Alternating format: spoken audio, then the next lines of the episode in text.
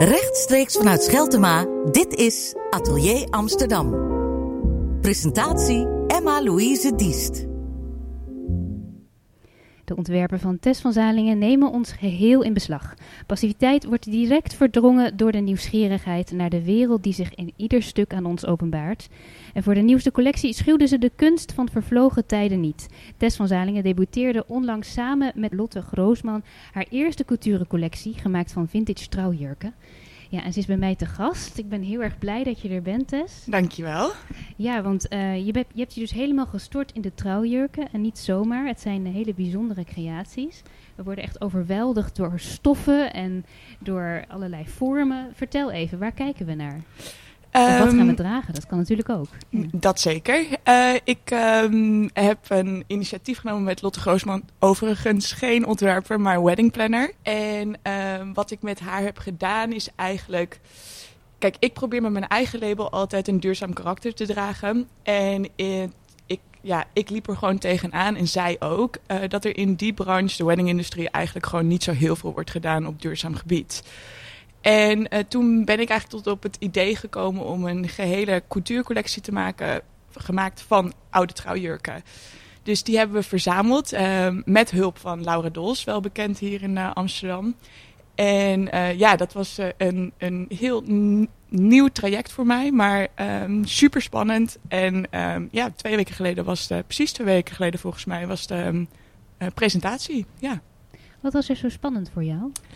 Nou, ik heb nog nooit eerder gewerkt met bestaande stukken. Dus uh, voor mij was het echt de uitdaging om um, die stukken weer echt een nieuw leven te geven. Dus um, wat ik heb gedaan is eigenlijk niet gekeken naar de jurk aan zich, waar die voor stond. Maar heel erg gekeken naar wat voor materiaal is het opgebouwd. Um, wat voor fournituren worden erin verwerkt. En eigenlijk heb ik zo al die elementen losgetrokken uit de bestaande jurk en weer opnieuw geïnterpreteerd.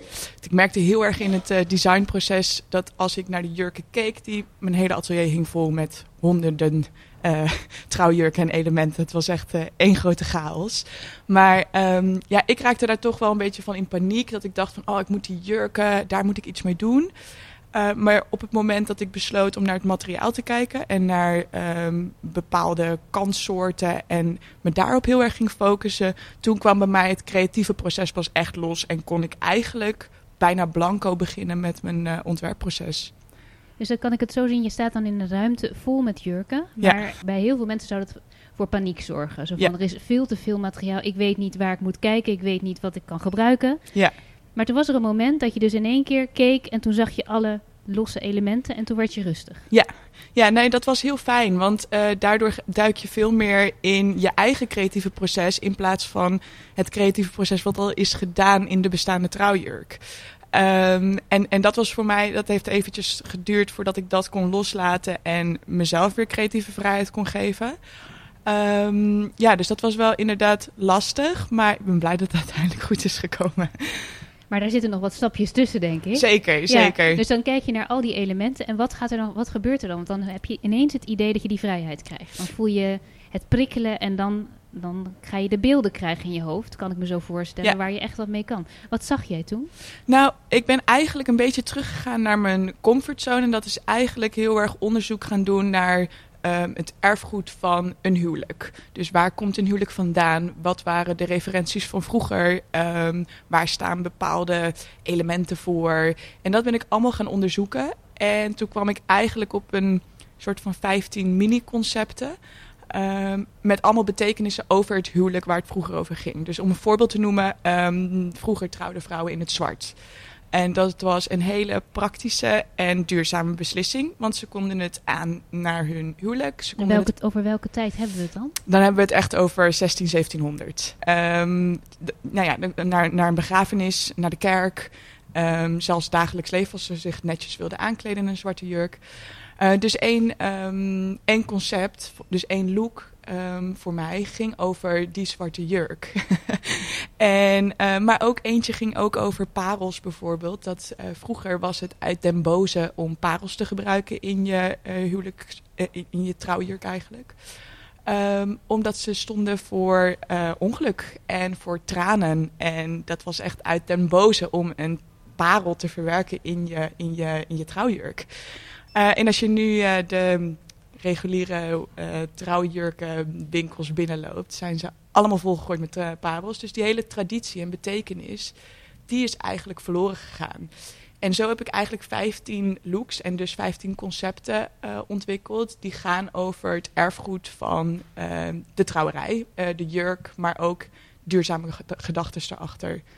Um, dus toen kreeg ik wat meer rust eigenlijk in mijn ontwerpproces. Dat ik dacht, oké, ik ga het gewoon in een um, onderwerp gieten die ik heel interessant vind. En dan bekijk ik de jurken weer als stof en als materiaal. En daar ben ik mee toen gaan ontwerpen. En toen kwamen er nog heel veel andere hobbels. Maar zo, zo is het een beetje tot stand gekomen. Dus je hebt echt het nodig gehad om dat leven van wat het, wat het stuk uiteindelijk krijgt, om dat los te laten? Ja, ja, ja. Wat, wat doe je met het leven wat een stuk krijgt wat jij maakt? Uh, ik vind het heel belangrijk om, een, uh, um, om in ieder geval de boodschap over te brengen en mijn verhaal te vertellen waar bepaalde dingen voor staan en waarom dat vergeten wordt. Dus echt vergeten tradities vind ik heel erg inspirerend om dat aan te pakken in mijn ontwerpen. Um, dus voor mij was het ook echt heel noodzakelijk om um, naast een show, wat natuurlijk heel leuk is, maar dat zijn ook wel 10 minutes of fame, om het maar zo te zeggen, uh, om er een tentoonstelling aan vast te hangen.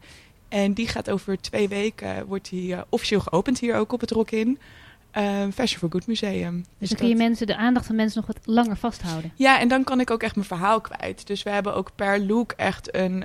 Um, elke, elke look heeft een eigen concept eigenlijk. Uh, dus het voelt een beetje alsof ik 15 hele kleine collecties heb gemaakt. Uh, met allemaal een eigen verhaal. En um, tijdens zo'n tentoonstelling kan je dat natuurlijk veel meer communiceren, ook in tekst. Um, en dan vallen de dingen denk ik ook wat meer op hun plek van wat ik eigenlijk probeer te vertellen in deze wedding-industrie. En nu lijkt het alsof je dat idee of dat verhaal wat je wil vertellen, dat voor jou heel erg helder is. Voelt dat ook zo? Ja, ja, heel helder. Dat zeg je heel stellig. Ja, uh, nou ja, mijn doel was ook echt, en daarom ben ik ook de samenwerking aangegaan toen met Lotte. Hè. Lotte komt uit de wedding-industrie, dus die kon me daar veel meer ook over vertellen. Dus dat was een hele fijne match eigenlijk. Um, ja, ik, kijk, ik, ik doe wat ik in mijn atelier doe, is 100% duurzaam, maar ik communiceer dat niet zo heel sterk, want ik vind dat dat bij elke ontwerper in de kern moet zitten. En dat dat niet per se um, voor de PR-doeleinden uh, naar buiten hoeft te worden gebracht. Um, maar de niche-markten binnen de mode-industrie worden zo erg vergeten op dat vlak. En eigenlijk vooral in die hele bruidssector wordt bijna, bijna niks gedaan. Uh, alles wordt geoorloofd voor één dag. Um, als jij uh, mensen. Ongelooflijk, inderdaad. Ja, het is ja. echt ongelooflijk. En als jij mensen wil invliegen voor een huwelijk in Italië, weet je, dat het gaat echt van alles, alles is oké, okay, weet je wel? Want ja, moet... dat, is, dat is de eerste stap. Maar dan komen nog de servetjes die in verschillende kleuren moeten, de bloemetjes, de Ja, de nou ja, we hebben ook bloemen en zo uit uh, oude huwelijken die Lotte heeft gedaan. Uh, die hebben we bewaard, die hebben we gedroogd en daar hebben we sieraden van gemaakt. Uh, er zitten ook tafellinnens en uh, linnen servetten zijn verwerkt in het patchwork wat we hebben gedaan in de trouwjurken. Dus het is, de collectie is niet alleen opgebouwd vanuit oude trouwjurken, maar echt opgebouwd van dingen die wij overhielden uit een huwelijk van wat zij, wat zij heeft georganiseerd. Dus dat was eigenlijk heel interessant en dat versterkte eigenlijk alleen maar mijn doel om te laten zien van jongens, in, in zulke sectoren, ook al zijn het niche-markten, um, wordt nog echt heel weinig gedaan op duurzaam gebied.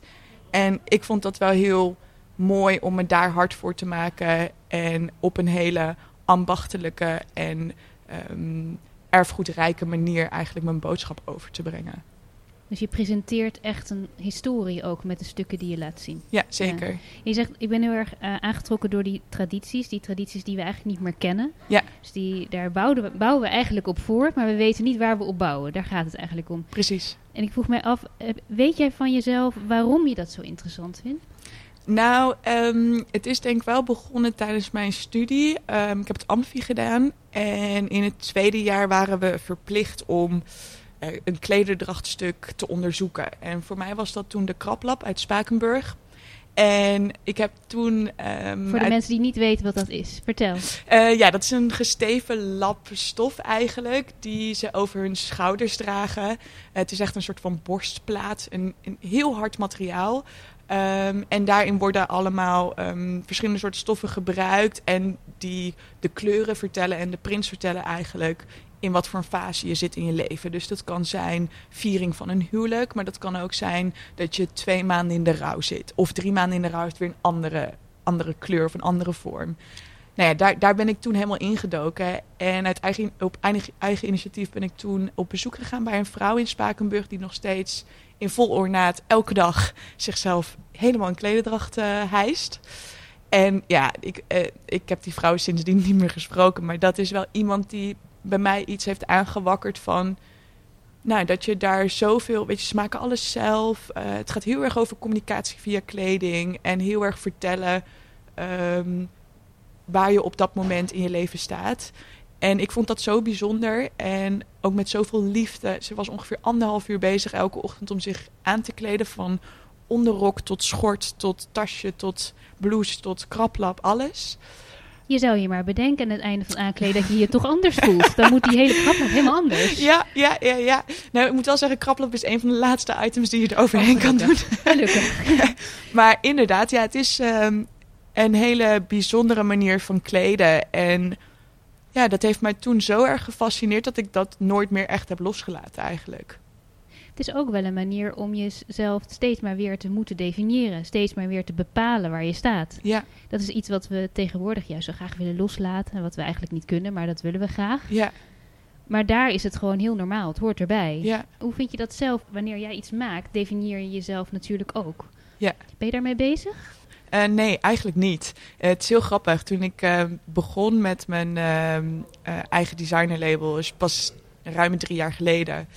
Toen kreeg ik vanaf mijn eerste show heel erg de stempel um, dat ik een lingerieontwerper zou zijn. Ik, deed wel veel, ik doe veel met lingerie en veel met um, corset geïnspireerde stukken. Ehm, dus ik heb ook wel. Ik, ik, ik denk niet zo heel erg in hokjes en vooral niet in de creatieve sector. Helemaal niet. Maar ik merk wel dat mensen graag een label op je willen plakken. Is oké. Maar.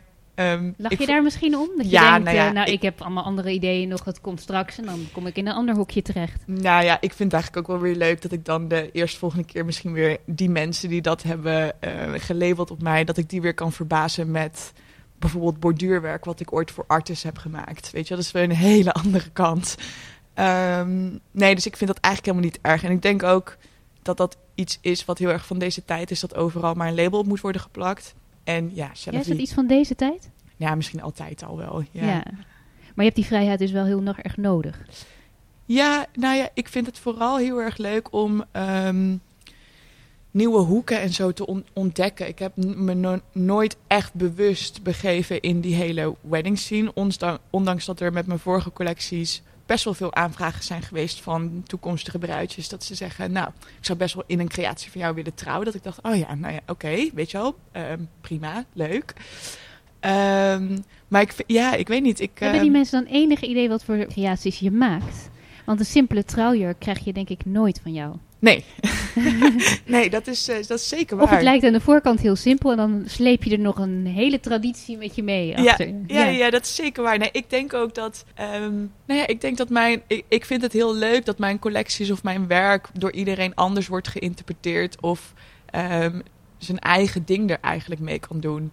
Um, en dat zou ik alleen maar aan, dat wil, dat wil ik alleen maar aanmoedigen. Dat als iemand erin wil trouwen, dan is dat voor mij top. Maar als iemand het aan wilt om, um, nou noem eens wat, uh, de voetbalwedstrijd voor je, voor je zoon te bekijken, dan is dat ook prima. Nee, ja, ik vind het heel erg leuk dat mensen uh, enthousiast reageren en als ze hun eigen draai eraan kunnen geven. Ja. Misschien niet te klein wonen met die grote jurken. Uh, nee, dat helpt. Ja, ik heb, ja, dat is zeker waar. je hebt een grote kast nodig. ja. En als je begint aan een nieuw ontwerp, en je zegt al op een gegeven moment heb ik een bepaald beeld en dan word je rustig. Um, is dat beeld uh, helemaal uitgekristalliseerd? Heb je dan, of kan je ook al werken als je het nog niet helemaal weet? Nou, in het verleden begon ik eigenlijk altijd maar gewoon en was het heel intuïtief. Uh, maar met deze collectie had ik toch wel wat meer structuur en voorbereidingstijd nodig. Vooral waar ik het net ook al over had, de hobbels die ik tegenkwam tijdens het proces weet je, je hebt een jurk of je hebt tafellinnen en dat is niet onbeperkt aantal meters. Dus je kan een heel mooi ontwerp bedenken wat een ode geeft aan, uh, aan een graanboeket of iets dergelijks. En je hebt daar een mooie sample voor gemaakt en je hebt dat helemaal uitgekiend. En dan blijkt de jurk die je daarvoor in gedachten had of het tafellinnen niet te passen. Dus dan moet je uh, heel erg gaan anticiperen en gaan aanpassen en uh, alles weer om gaan gooien. Dus ik merkte wel toen ik, ik begon zeg maar op mijn normale manier van ontwerpen, dus heel intuïtief en gewoon maar gaan. Dat ik dacht, oh ja, dat gaat niet werken. Dus ik heb even toen een stap terug gedaan en gekeken van oké, wat heb ik en hoe ga ik dit met zoveel mogelijk structuur, wat natuurlijk soms een beetje tegen je creatieve proces ingaat, um, ja, realiseren eigenlijk. Dus dat was wel, ja, dat was wel echt een uitdaging om dat uh, zo, zoveel structuur in een creatief proces te moeten brengen eigenlijk.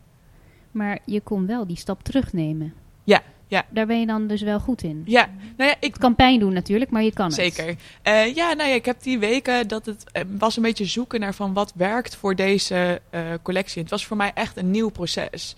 En alles op voorhand uitdenken en uitmeten en ehm, alle 15 verschillende concepten. Maar dan ook weer zorgen dat het natuurlijk onder één paraplu allemaal tot zijn recht komt en allemaal bij elkaar past ja, dat was wel een uitdaging. Is dat een proces wat je zelf doormaakt? Of heb je allerlei mensen eromheen verzameld die jou daarbij helpen? Nou, ik, ik werk uh, veel met stagiaires. Uh, en dat zijn altijd hele leuke, gemotiveerde studenten die bij mij op het atelier komen helpen. Dus daar ben ik heel blij om. En ik werk uh, vast met de twee freelance coupeuses. Die komen van de meesteropleiding coupeur. En daarmee kan ik echt lezen en schrijven. Dus uh, dat is heel prettig. Het is heel belangrijk dat die er zijn. Ja, dat is heel prettig. Uh, die zijn technisch echt, um, ja, nou ja, niet eens te vergelijken. Het is, uh, het, ik zeg iets en zij, zij snappen het helemaal. Dus dat is, dat is heel prettig. Maar ik werk met een heel klein team en het team wisselt eigenlijk elk half jaar door de stagiaires. Nee, omdat je zegt, ik moet dat echt ontwikkelen en ik moet echt even bij mezelf te raden gaan. Wat wil ik gaan doen? Ja. Zijn dat momenten dat je je terugtrekt en denkt, nu ga ik zelf even kijken. Want je moet natuurlijk zelf, jij bent degene die opdracht geeft. Ja. Dus je kunt wel met een heel leuk team, dat, dat klinkt, dat is ook waarschijnlijk heel fijn. Ja. Maar jij bent degene die op de knopjes drukt. Dus Ja. um, is dat een moment dat je echt even terugtrekt? Ja, of dan uh, uh, kies ik ervoor om uh, de zaterdag of de zondag even in alle rust in een atelier te zitten en daar goed over na te denken. En weet je wat het is? Het is, weet je, als om zeven uur, zes uur, zeven uur de deur dicht gaat, dan stopt het bij mij niet. Dus ik ben s'avonds ook nog dingen aan het overdenken en aan het opschrijven snel of even een notitie maken of bespreken met iemand. Um, nee, maar dat, ik kan wel heel goed mezelf even terugtrekken en op een rustig moment eens even kijken of de logica er nog een soort van in zit. Want soms is het niet allemaal heel logisch uh, wat we aan het doen zijn in zo'n atelier. Maar um, nee, dat heb ik bij, deze, bij dit traject en deze collectie wel uh, heel erg gemerkt dat ik daar um, goed op moest letten en dat in goede banen moest leiden, zeg maar. Je bent ook heel erg gefocust, denk ik. En je Ja. zit op een gegeven moment, doe je je ogen dicht en je ziet jurken en stoffen en, en naden en allerlei kleine hobbels in de weg die er nog komen. Ja. Um, zijn er bepaalde dingen die je doet of die je onderneemt om wat lucht in de zaak te krijgen? Uh, nou, ik ben wel echt een workaholic, moet ik heel eerlijk zeggen. dus ik kan heel erg opgaan in dat hele proces. Um, Maar soms is het fijn als je even gedwongen wordt naar iets anders te kijken, waardoor je weer nieuwe invloeden krijgt natuurlijk. ja, zeker waar. Ja, ik heb, um, um, ik houd, ik, ik doe maar, ik doe maar één collectie per jaar presenteren. Um, heb ik sinds kort, of tenminste sinds kort, sinds twee jaar echt besloten van meer ga ik niet doen. En daaromheen probeer ik altijd creatieve samenwerkingen te doen met interessante partijen. Waaronder ik begin dit jaar met Fashion for Good een uh, samenwerking had. Met een, had ik een installatie gebouwd. Uh, volledig gemaakt van uh, gevacumeerd uh, onkruid.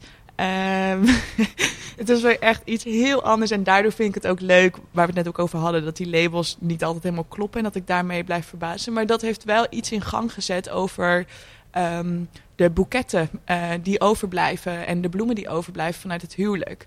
Dus zulke soort uitstapjes zijn voor mij um, ja, heel vaak heel fijn, omdat ik dan bijvoorbeeld een Fashion for Good verwachtte van mij heel erg dat ik met mode zou komen voor deze samenwerking. En dan vind ik het heel leuk om dan iets heel anders te doen en mezelf eigenlijk ook te ontwikkelen daarin. Eh, en dat onderzoek naar het vaak meren van gedroogd onkruid, dat was echt zo'n tof project en zo'n leuk onderzoek. En dat heeft mij wel weer geholpen in uh, de bouwstenen van deze collectie om heel erg bezig te gaan met die accessoires en de verwerking van stoffen.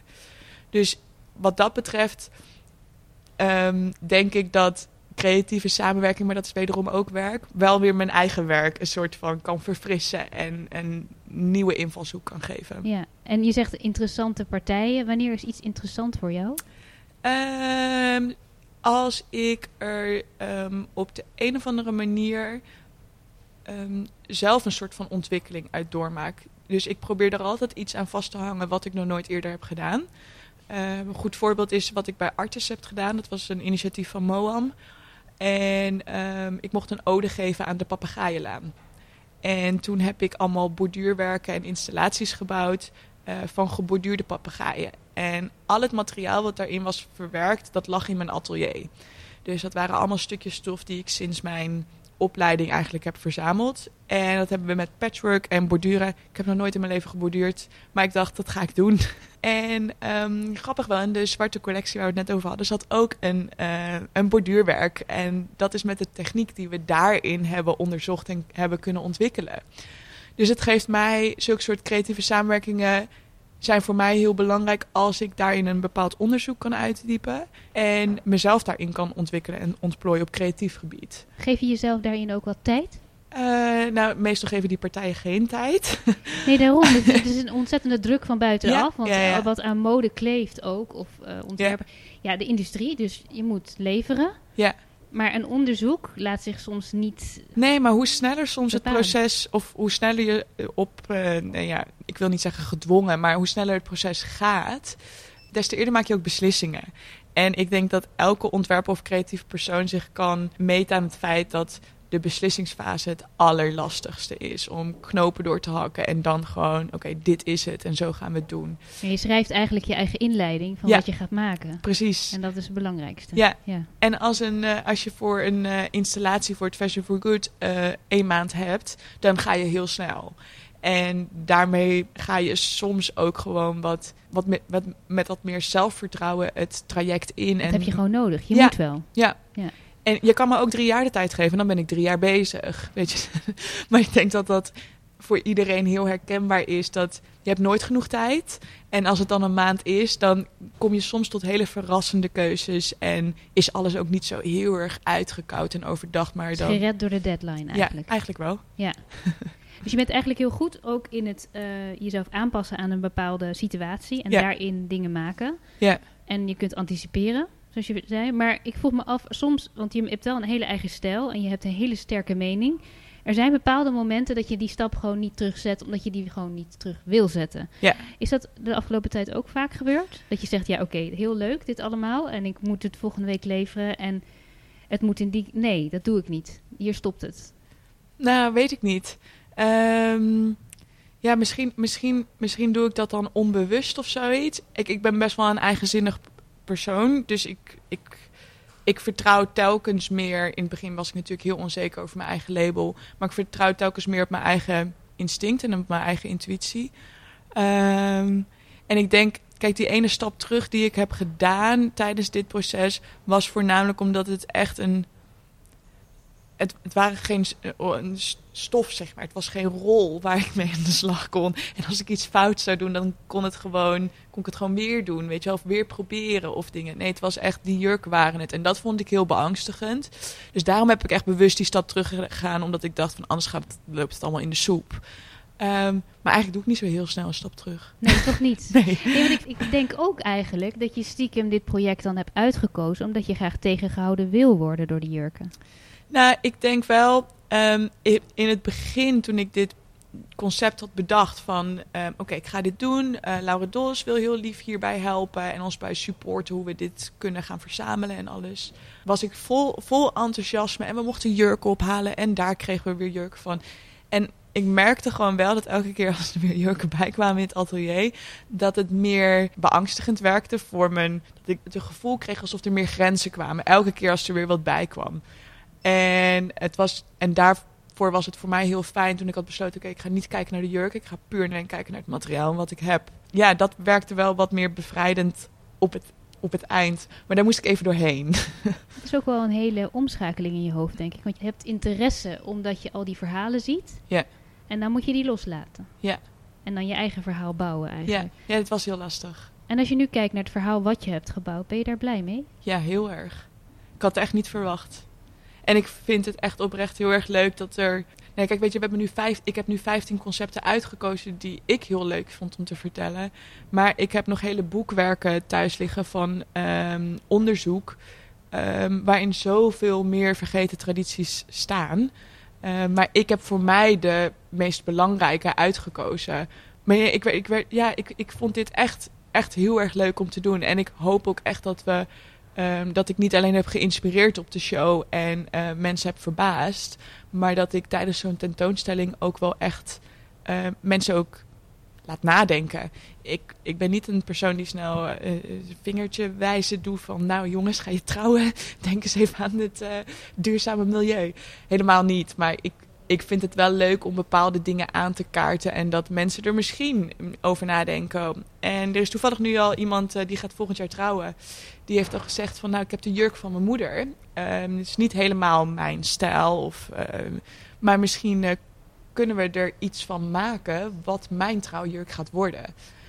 En dan ga ik het wel op, hetzelfde, op dezelfde manier aan, aanpakken. Dus voor mij hoef je dan de jurk van die moeder niet meer terug te zien in de vorm, eh, maar in het materiaal. Dat we echt iets maken wat zij voor ogen heeft als, als trouwjurk. En dat zou ik heel leuk vinden om zo'n traject één op één met iemand aan te gaan. Dan maak je dus ineens weer iets kleiner. Ja. En is de persoon belangrijk die het uiteindelijk draagt? Ja, ja vind ik heel belangrijk. Ja, als je zo'n traject aangaat en vooral voor iemands trouwdag en je gaat werken met iemands moeders trouwjurk, is natuurlijk ook wel weer een beetje beangstigend om daar aan te gaan zitten. Maar ehm, nee, dat lijkt mij een superleuk, eh, superleuke ervaring om dat zo met iemand en best wel intiem lijkt het me ook. ehm, om dat te ontwikkelen met zo iemand. Maar daarvoor heb ik wel een manier nu gevonden die bij mij heel erg werkt. En dat is echt kijken naar het materiaal en dan kijken naar wat gaat het ontwerp worden. En die twee misschien niet allebei linken aan de trouwjurk. En zou je dan hopen dat degene die dan uiteindelijk jouw werk draagt ook wat meer naar het materiaal zou kijken? Ja, zou ik wel heel interessant vinden. Om te kijken hoe zij dit interpreteren en wat zij eruit zien. Ja, ik ben wel van mening dat elk materiaal kan doen wat jij wilt als ontwerper. Ehm, dus ik laat me ook niet altijd leiden door, door bepaalde vallingen of zoiets. Ik vind dat je als creatief persoon en als je dingen creëert, dat je materiaal naar je hand moet kunnen zetten. Maar ik ben wel heel benieuwd hoe zij daar tegenaan kijken en wat zij daarin zien. Misschien eh, start je zelf ook wel een traditie. Ja, nou, dat zou heel mooi zijn. Dat zou wel heel mooi zijn. Ja. Nou, in ieder geval gaan we ons verdiepen in heel veel verhalen, denk ik. eh, Ja. Tijdens die expositie ook. En ik neem aan dat je bij de werken die je nog gaat maken, daar zal ook steeds, denk ik, wel weer een expositie aan vastkomen, of niet? Nee, ik heb dat vorig jaar voor het eerst gedaan. Mijn eerste drie collecties zijn op de Amsterdam Fashion Week gepresenteerd. En eh, mijn laatste collectie daar was in samenwerking met Royal Delft. En dat was de eerste aanraking met dat ik daarna een tentoonstelling had. Was in het Royal Delft Museum, wat echt super interessant was. Ehm, en toen daarna heb ik mijn werk gepresenteerd in het Nederlands Klededrachtmuseum. Met daarop aansluitend ook een tentoonstelling. En het bevalt mij zo goed om eh, in die weg te zitten en ehm, niet alleen maar de glamour, wat het soms, hoe het er soms uitziet, wat het ook totaal niet is. Eh, en die 10 Minutes of Fame, ik vind gewoon dat wij als eh, ontwerpers ook wel een visie mogen uitdragen en het grote publiek daarmee mogen bereiken. Ja. Ehm, en dat hoop ik zo via die museawereld eigenlijk te doen. Je verlengt het verhaal van je creaties daarmee een klein Ja. beetje. Ja. je neemt ons mee op een reis, denk ik. Ja. Langs allerlei tradities. Heel erg bedankt daarvoor en heel veel plezier bij de komende tentoonstelling. Ja, dankjewel. Dankjewel.